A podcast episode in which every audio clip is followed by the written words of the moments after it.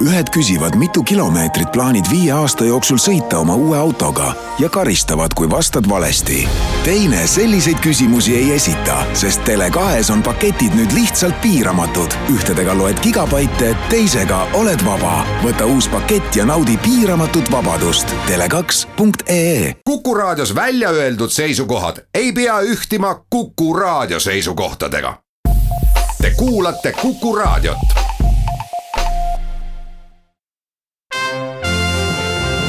Tallinna Filharmoonia esitleb Filharmooniline huvitaja. tere päevast, head kuulajad! tänase Filharmoonilise huvitaja külaline on Eesti üks parimaid tšelliste, tunnustatud ja mis veel tähtsam, armastatud, kompromissitu Leho Karin, tere! tervist! eelmine aasta pälvisid sa Kultuurkapitali preemia sütitava ja inspireeriva mängu eest sellist tunnustust vastu võttes on kindlasti hea meel, aga kas sa tundsid, et need sõnad on õiged või kas sa tundsid, et sinust on nii aru saadud, et see tõepoolest, see tunnustus on see, mida sa oled elus oodanud, et sa, et nii sa ise ka näed oma mängu? no mingil hetkel see võis niimoodi olla. Küll jah, et ma tundsin, et, et ma peaks nagu kuidagi kaasa tõmbama, aga nüüd enam ei ole nii, ma arvan, nüüd on juba hästi meil seal kõik, et ma isegi tunnen, et ma peaks nagu tagasi tõmbama ennast kohati kui sa ütled meil seal, siis sa mõtled kammerorkestris ma mõtlen just, kui sellest jutt käib, see tuli eelkõige kammerorkestri töö eest nagu vist ma aru sain. et eh, meil on seal palju noori mängijaid, ma olen seal peaaegu juba kõige vanem. et, et noh, kindlasti see orkester hästi palju muutunud selle kahekümne viie aasta jooksul tõepoolest, selle hooajaga saab täis aeg, et sina oled seal mänginud kakskümmend viis aastat. see on eh, päris algusest peale peaaegu kuidas see orkester on selle ajaga läbi sinu silmade muutunud, mis on teistmoodi, mis on parem, mis on võib-olla kaduma läinud? noh, kui sa ise oled selle asja sees kogu aeg, siis on nagu raske kõrvalt tegelikult hinnata kõiki neid asju, mis, mis on tulnud ja mis on läinud, et et see ongi tegelikult normaalne, et üks orkester sedasi areneb. tulevad uued inimesed, tekivad natuke teistsugused suhted ja mingid nurgad ja, ja, ja mingid kõlad isegi võib öelda. kindlasti uued mängijad, kes tulevad, igaüks teeb midagi uut kaasa. kes kus, kuskil on õppinud, kellel on milline temperament, milline nägemus, eks ole, asjadest seal. kõik see ju nii väikest kollektiivi kindlasti kuigivõrd muudab.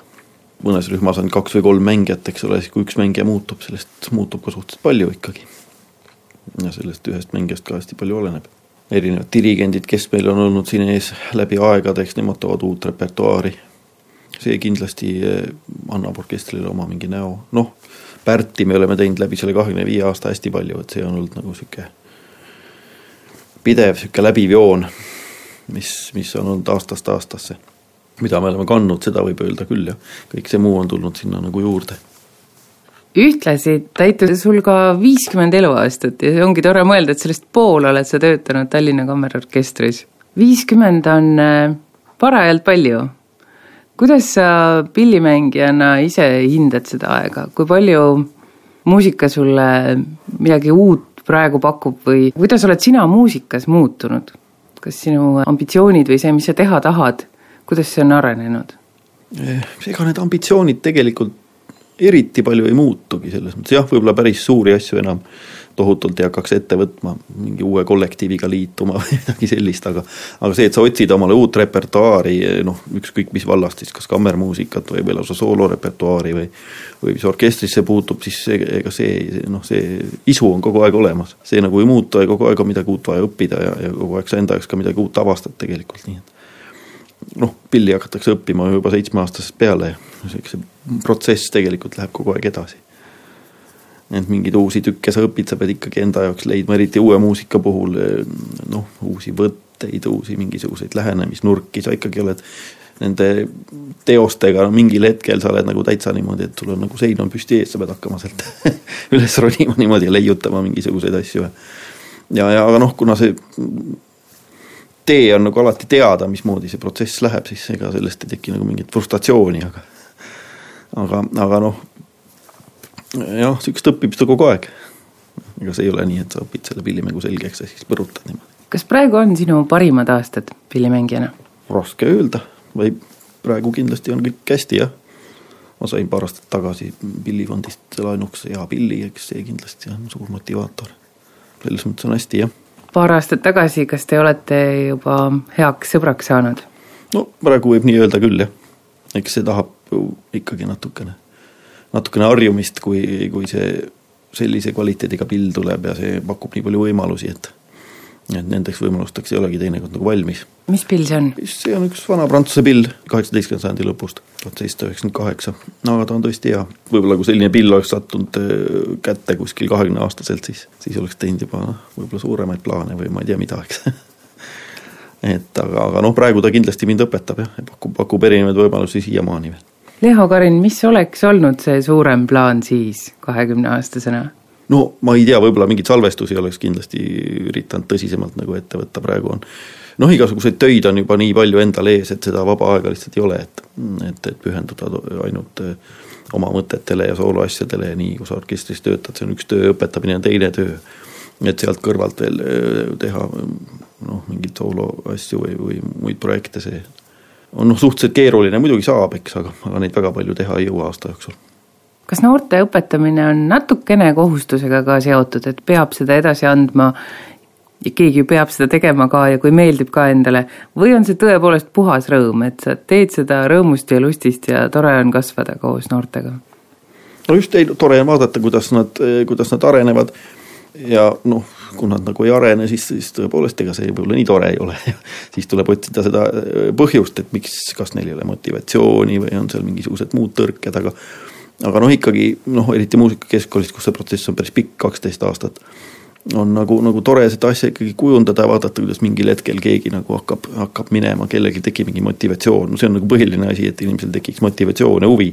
siis, siis on tegelikult see õpetamine lihtne, et senikaua, kui sa pead nagu käima seal niimoodi piitsaga järel senikaua ta on, on sihuke töö jah, jah aga noh, eks seda tuleb teha, sest et varem või hiljem need inimesed ikkagi leiavad ennast sellest muusikast. kas õpilased on muutunud? Suudad sa ennast tagasi mõelda, kui sina alustasid pillimänguõpinguid ja, ja praegusi lapsi, kes tulevad kooli, et kas seal on mingi muutus, mida sa kohe kindlasti võid öelda, et see on tänapäeval teistmoodi? kindlasti ütleme, ligipääs erinevale muusikale, eriti mis puudutab salvestatud muusikat, eks ole, on, on kindlasti oluliselt lihtsam, eks ole, kõik Youtube'id ja ja internetikanalid ja noh, sa saad kohe nagu kätte, mis maailmas toimub, kõike, no kui sa selle vastu huvi tunned ja, ja et noh, et selles mõttes on see maailm nagu rohkem lahti, kui mina alustasin Vene ajal, siis noh, see oli ikkagi suhteliselt suletud ühiskond, kust nii-öelda pillimänguga, kui sa olid heal tasemel ja nii oli võimalik nagu välja minna, vähemalt niisugune perspektiiv oli, et see, see nagu andis ka natuke tuult tiibadesse. aga sellist killustatust just sellest suurest infotulvast, et kõik ongi käes ja et kas see kuidagi nagu ei devalveeri seda huvi või seda süvenemist või kuidas sellega on? Mulle küll ei tundu nii, kui ma vaatan, kuidas siin harjutatakse poole ööni välja, see Kivimäel B-maja siin heliseb kella kümneni õhtul iga päev siin ja nädalavahetustel ka, et teda huvi küll eh, peaks jätkuma minu arvates. pigem on seda kogu aeg juurde tulnud siin, et, et see tase kindlasti tõuseb praegu, mitte, mitte ei, ei lähe kehvemaks, kui ta oli omal ajal, kui mina õppisin aga tuleme tagasi kammerorkestri juurde.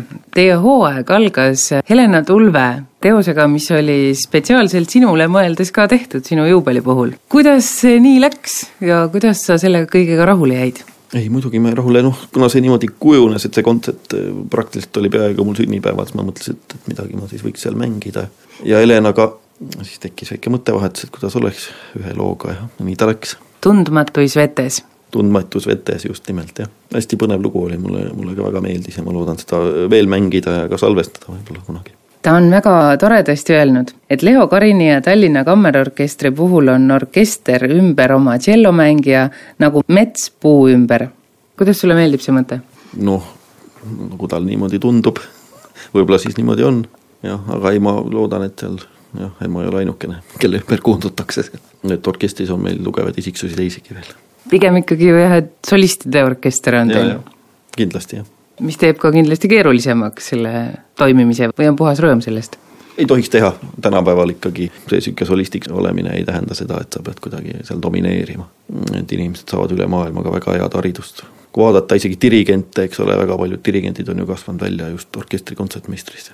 viiulimängijad, eriti just põhjanaabrite juures on hästi palju neid viiulimängijast dirigente see tundub kuidagi olevat sihuke loomulik protsess. et sa kasvad solistiks ja siis dirigendiks ja nii, aga, aga nad on ka väga head kammermuusikud kõik. Teil on äh, sari Kõikvõimas ja järgmisel neljapäeval on Kõikvõimas Kuu Pierrot. solist on Iiris Oja, äh, dirigent Risto Joost. mis sari see Kõikvõimas on sinu jaoks, kuidas sa vaatad seda, mis selles sarjas toimub? see on Risto ellu kutsutud idee, kus oleks nagu katsetatud erinevaid uusi suundi, et, et see oleks nagu eksperimentaalse niisuguse suunitlusega kontserdisari, kus on nii sooloteoseid kui kammermuusikat kui orkestriteoseid, nagu ka nüüd on Schönbergi QBRO, seda võib küll ikkagi nimetada pigem kammermuusika teoseks, kus küll Risto ise dirigeerib, aga, aga seal neid pille on ju kuus tükki pluss veel äh, sopran, et see kvalifitseerub ikkagi kammeransambliks. ja siis see järgmine suurem tükk, mida me teeme, Richard Straussi Metamorfoosid, see on jällegi teistmoodi, natukene suurem orkester kui, kui kammerorkester, seal on äh, tuleb meil võtta natuke lisajõude, see on tumedates värvides teos, kirjutatud neljakümne viiendal aastal pärast, pärast suurt sõda, leinamarsi vaimus ja, ja seal on just kolm bassi, viis tšellot, et neid tumedaid värve on seal palju. ja Schönbergi QBRO muidugi legendaarne teos, kirjutatud tuhat üheksasada kaksteist, eks. vot selline kava ja sinna lisaks on veel kaks Pärdi lugu, Peegel peeglis ja Vater Unser Iiris Oja ise on öelnud, et ta olla kuulnud Arvo ja Noora Pärti ütlemas, et mitte keegi ei mängi Peegel peeglis nii nagu Leho Karin ja Marrit Gerret-Straksmann. kuidas te siis teete seda, kuidas käib Pärdi mängimine? See on ametisaladus ei no ma ei tea, ju siis kukub, kukkus niimoodi välja. aga noh, ega need esitused ei pruugi ka meie puhul kõik olla nagu võrdsed, et teinekord võib-olla ei sobi akustika, ma mäletan, me tulime siin Tallinnas, tegime, siis oli küll jah, kõik oli hästi suures kirikus, me läksime sinna kuu aega hiljem või kaks kuud hiljem läksime Saksamaale mängima. siis sakslased kuidagi olid väga niimoodi, kuidagi šokeeritud, mõned seal tulid pärast kontserti küsima, et kuidas sa Pärti mängid vibraatoga, et see nagu ei sobi üldse. nii et oleneb ka inimeste ootustest, kes, kes mida ootab sealt või, või milline on see atmosfäär, mis selles ruumis tekib seal. et jah, no võta sa kinni, eks aga sel õhtul siis, äh, kuidas sulle tundub, see kõik kokku sobib? see Strauss ja Kuub ja Roo ja, ja Pärt. eks me näeme.